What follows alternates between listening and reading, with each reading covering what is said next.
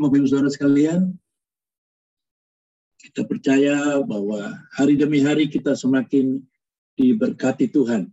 Dan tiba kita pada hari Sabtu ini, mari sama-sama kita mengucap syukur buat kasih dan anugerah Tuhan, bahwa kita semua sehat, yang sakit juga akan disembuhkan Tuhan, dan kita percaya kasih dan anugerah Tuhan membawa kita untuk dapat merasakan kebenaran, kebaikan Tuhan dalam perjalanan hidup kita. Baik, saya akan Pak apa share dulu ya.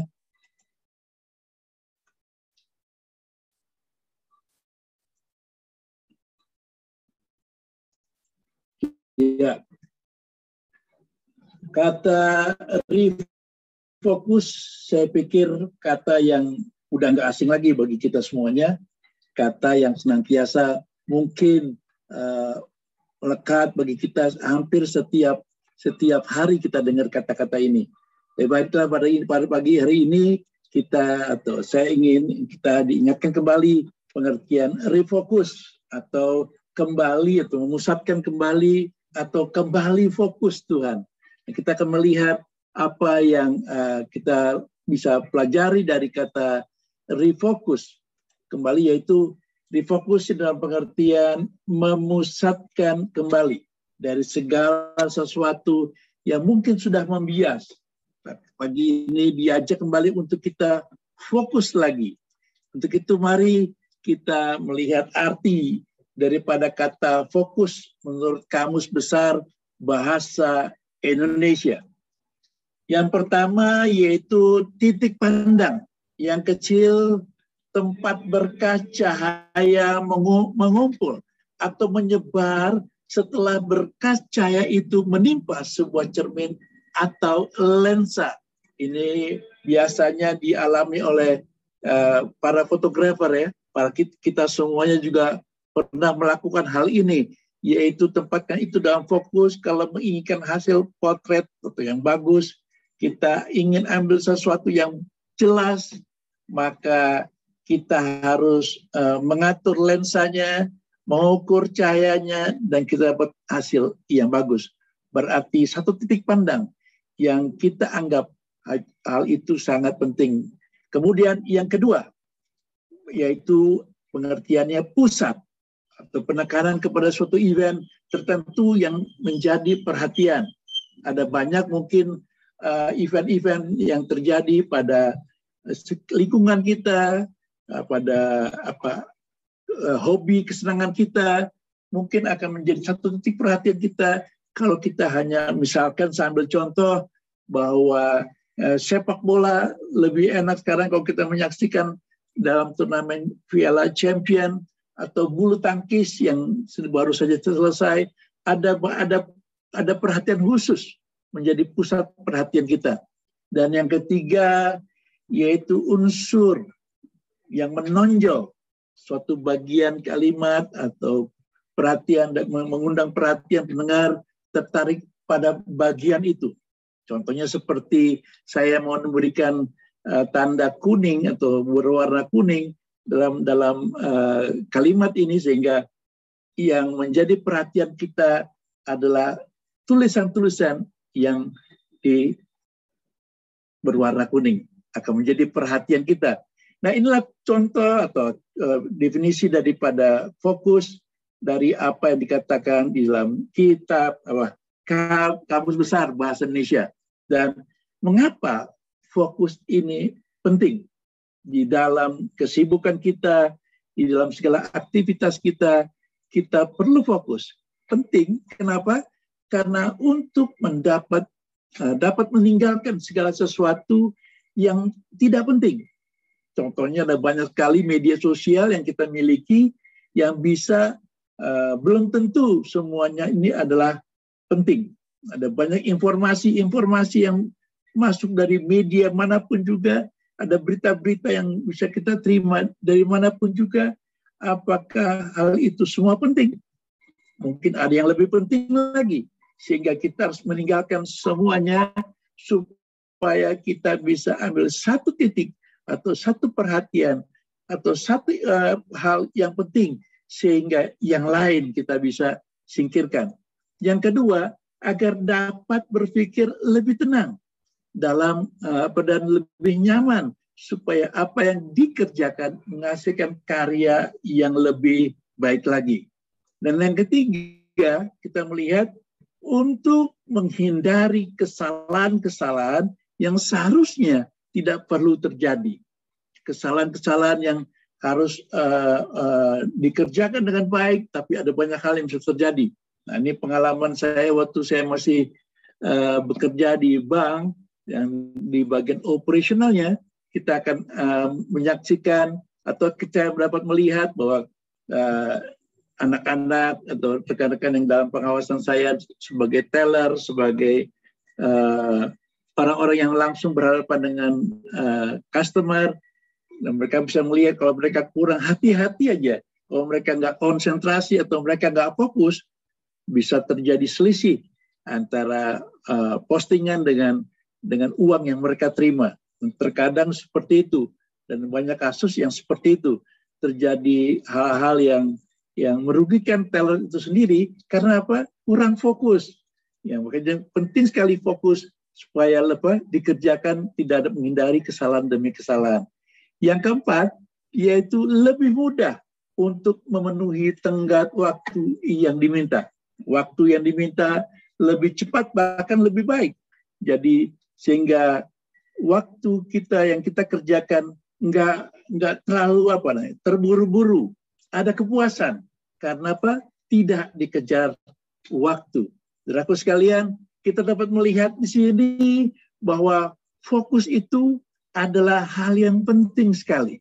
Kenapa? Ada lima poin, ada banyak poin yang yang bisa disaringkan, tapi saya ambil cuma lima poin ini yang menjadi uh, review buat setiap kita di dalam segala aktivitas kita, di dalam pekerjaan kita, di dalam apa saja yang kita lakukan, kalau kita mau lihat sesuatu yang lebih baik menghasilkan, maka kita harus kembali kepada fokus. Diri fokus kembali, sehingga kita dapat melihat uh, apa yang kita kerjakan menghasilkan sesuatu yang lebih baik lagi. Saudaraku sebagai orang percaya, hal itu pun bisa terjadi dalam kehidupan kita. Dan kita hampir semua sama dengan dengan Eh, berbagai orang yang lagi yang lainnya, baik dalam usaha pekerjaan secara sekuler maupun secara rohani. Hal itu penting sekali. Dan apakah yang paling penting bagi kehidupan rohani kita? Mari kita diingatkan kembali, kita ada di dunia ini atau kita ada diciptakan Tuhan untuk memuji Dia setiap waktu. Ada satu hal yang Tuhan nggak bisa lakukan dalam kehidupannya, dia boleh melakukan apa saja. Tapi satu hal yang nggak bisa dia lakukan, yaitu memuji dirinya sendiri.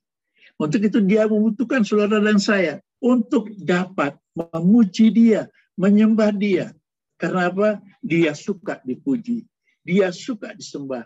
Untuk itu kehadiran kita pada pagi ini untuk dilatih Tuhan, untuk kembali kepada berani menyembah Tuhan, memuji Tuhan, dalam setiap kehidupan kita. Apalagi sekarang kita sudah uh, diberi kesempatan untuk bisa beribadah kembali secara onsite. Sekalipun uh, di gereja Bekasi Barat yang kita uh, layani, uh, kita melihat bahwa datang memimpin pujian atau nyanyi nyanyi di sana mulutnya pasti pakai masker ya saya pikir itu lebih baik. Mereka bisa merindukan suasana pujian langsung ke sana. Yang selama ini mungkin secara online. Atau boleh dikatakan, wah selama ini kita karaokean. Kita menyembah Tuhan, kita kurang seret. Kita kurang rasa nyaman.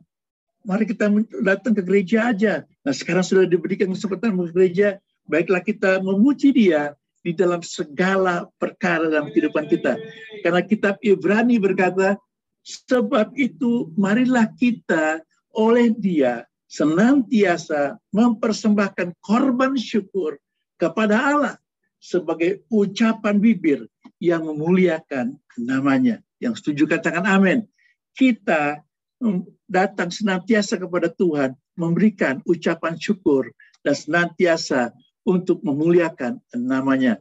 Ada berbagai ayat yang dapat menopang kita untuk dapat membangun kehidupan kita senantiasa untuk memuji, menyembah Tuhan. Biarlah segala yang bernafas memuji Tuhan. Haleluya. Mazmur berkata, setiap orang, setiap apa makhluk untuk menyembah Tuhan, memuji Tuhan. Di dalam Kolose 3 ayat 16, hendaklah perkataan Kristus diam dengan segala kekayaan di antara kamu. Sehingga kamu dengan segala hikmat mengajar dan menegur seorang akan yang lain.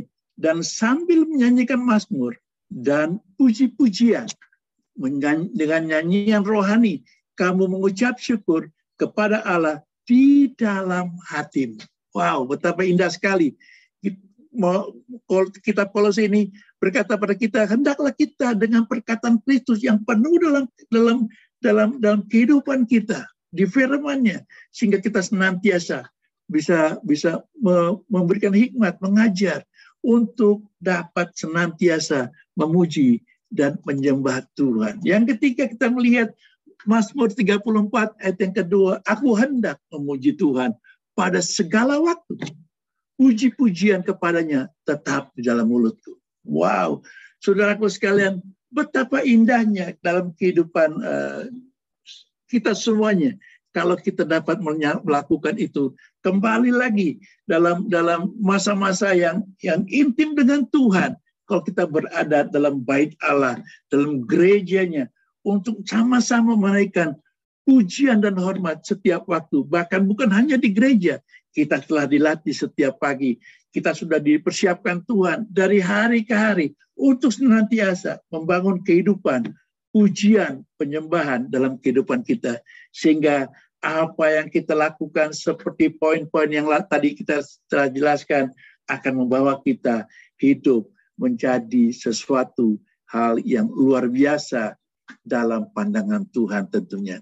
Dan apa yang dapat kita lakukan agar senantiasa memuji dia? Efesus 5 ayat 18 berkata, dan janganlah kamu mabuk oleh anggur. Karena anggur menimbulkan hawa nafsu. Tetapi hendaklah kamu penuh dengan roh dan berkata-katalah seorang kepada yang lain dalam Mazmur, kidung puji-pujian dan nyanyian rohani. Saudaraku sekalian, hal yang luar biasa yang Paulus ajarkan uh, pada pagi ini melalui kitab uh, Efesus ini, pengaruh anggur sudah jelas. Paulus menjelaskan itu untuk menggambarkan uh, kehidupan masa lalu, kehidupan uh, egoistis, kehidupan yang yang yang membuat kesia-siaan. Tapi Paulus berkata, tetapi apa yang yang terjadi bila kita berada di bawah pengaruh Roh Kudus? Paulus mengatakan, hendaklah kamu penuh dengan roh. Sehingga hati kita penuh sukacita. Ada nyanyian, ada ucapan syukur, dan setiap perkataan dan perbuatan yang mengandung kemuliaan nama Tuhan serta memberi dorongan semangat untuk orang lain. Harus fokus pada kebaikan Allah dan belas kasihannya terhadap kita. Dengan kata lain, hidup yang senantiasa dipenuhi puji. Eh, dalam, dalam perjalanan pelayanan saya, dalam perjalanan uh, pribadi saya untuk senantiasa dapat menyenangkan hati Tuhan. Angkat aja pujian penyembahan bagi dia. Pujian penyembahan dia mungkin bukan berupa berupa nyanyian atau atau kita mungkin berkata suara saya kurang bagus untuk puji Tuhan. Itu bukan ukurannya, tapi yang penting hati kita penuh dengan pujian kepada Tuhan dan penuh dengan pengucapan syukur kepada Tuhan. Yang apa pun terjadi, situasi boleh apa saja terjadi dalam kesulitan kah, dalam masalah-masalahkah, dalam sakit penyakitkah, yang mungkin kita rasa belum sembuh-sembuh, belum ada jalan keluar untuk urusan pekerjaan, bisnis, usaha pada masa-masa sekarang. Sementara orang banyak sudah mulai uh, hidup kembali, sudah mulai jalan Jakarta sudah macet, uh, mall-mall udah penuh, uh, udah mulai seperti biasanya saja. Tapi kok kita masih susah, kok kita belum sembuh, dan sebagainya dan sebagainya.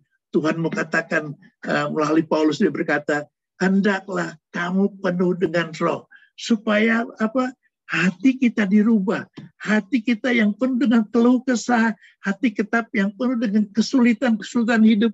Ya, benar, kita hidup susah, tapi bukan berarti kita tidak mau meninggikan dia.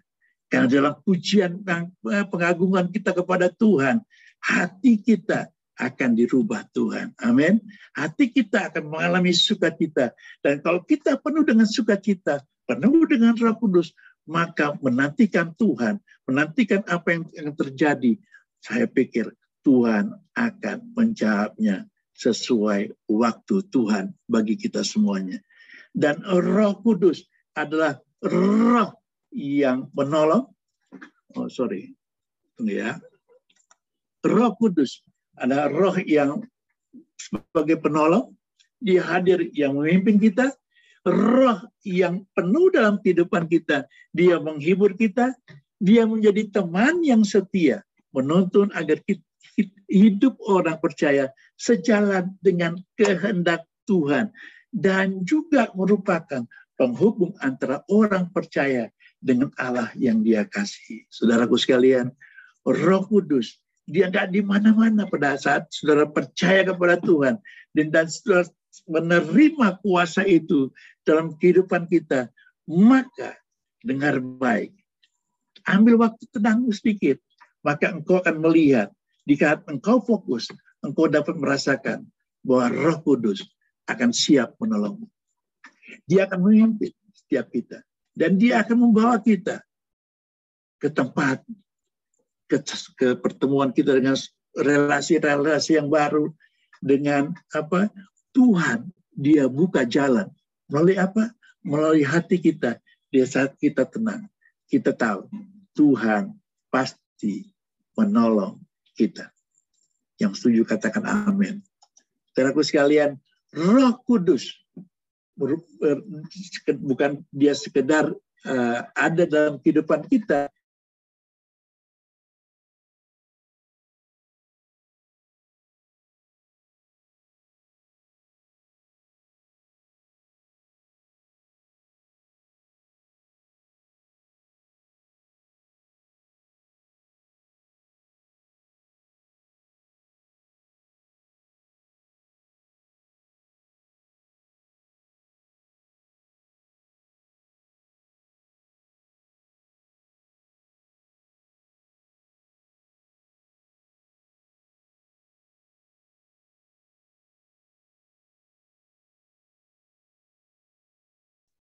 Sampai sini ya.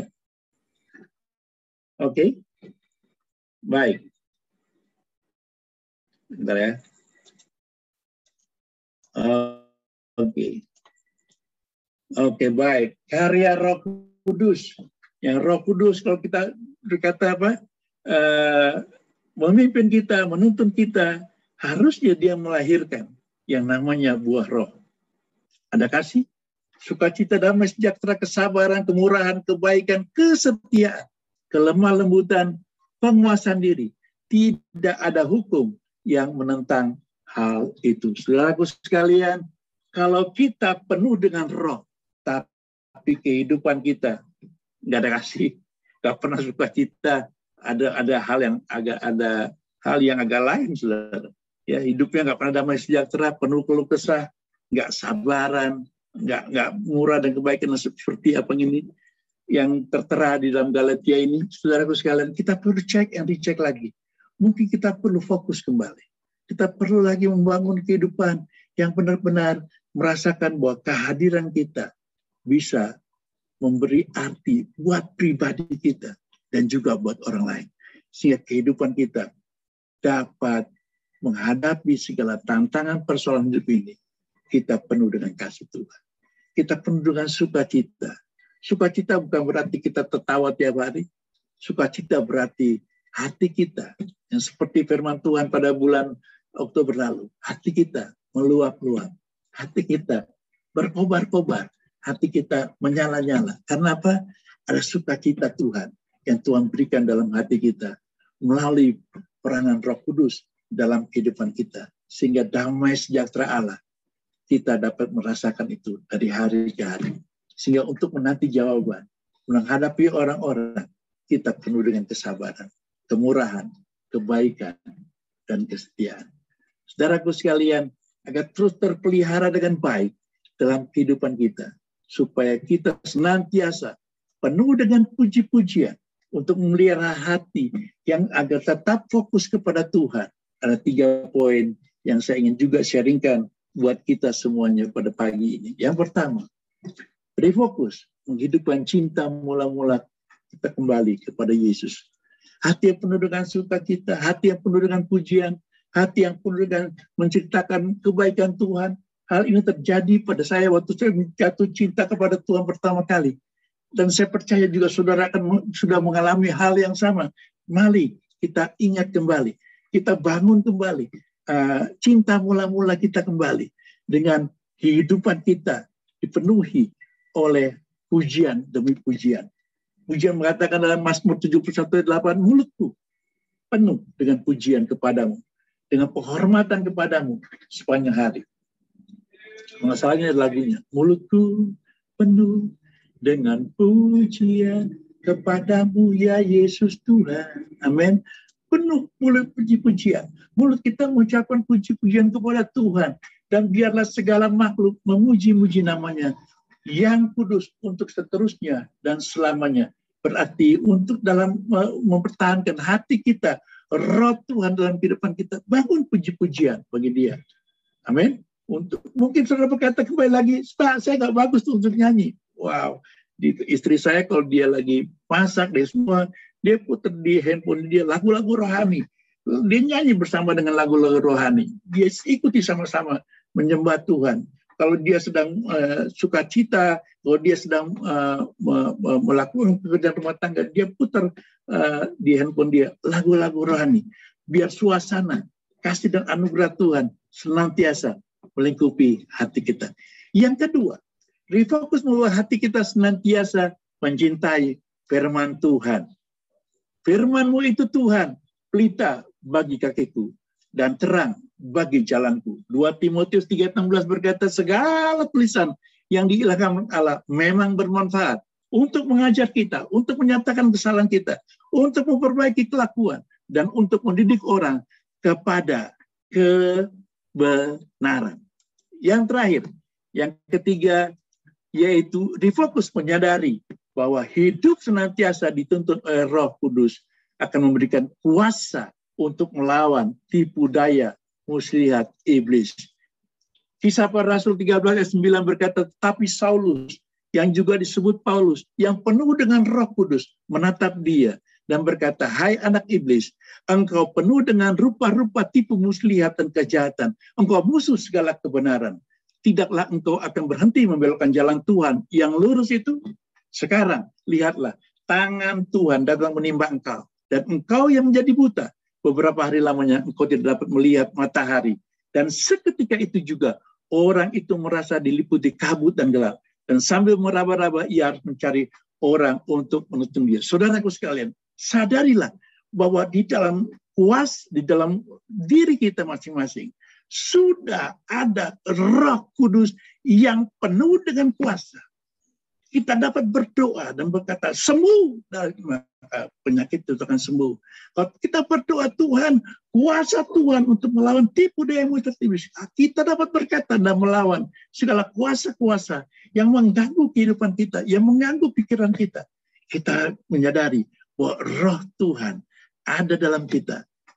Ada. Dan untuk itu kita perlu bangunkan itu. Dan katakan Tuhan, bila rohmu membakar hati kami. Roh membuat kami tidak takut menghadapi situasi seperti yang waktu-waktu yang akan datang. Atau hari ini kita sedang hadapi.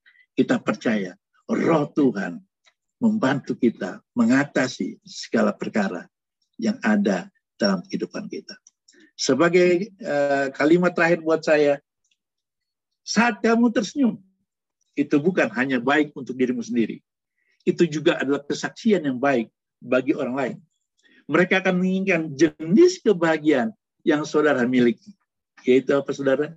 Sukacita surgawi. Untuk itu, selamat menjadi berkat bagi banyak orang mengakhiri pekan ini. Jadilah pelita, jadilah terang, jadilah garam buat banyak orang.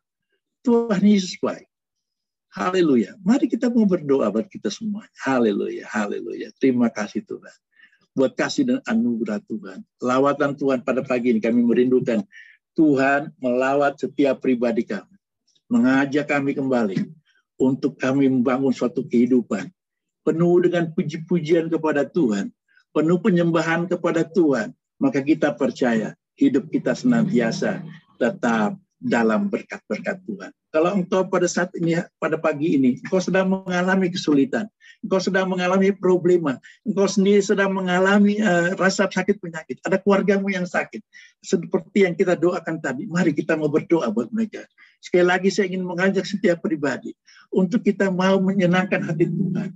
Kita mau berdoa pada pagi. Dalam nama Tuhan Yesus, biarlah kasih dan anugerah Tuhan melawat setiap hati kami memenuhi setiap hati kami. Dan kami Tuhan mau menyenangkan hati Tuhan di sepanjang hari ini.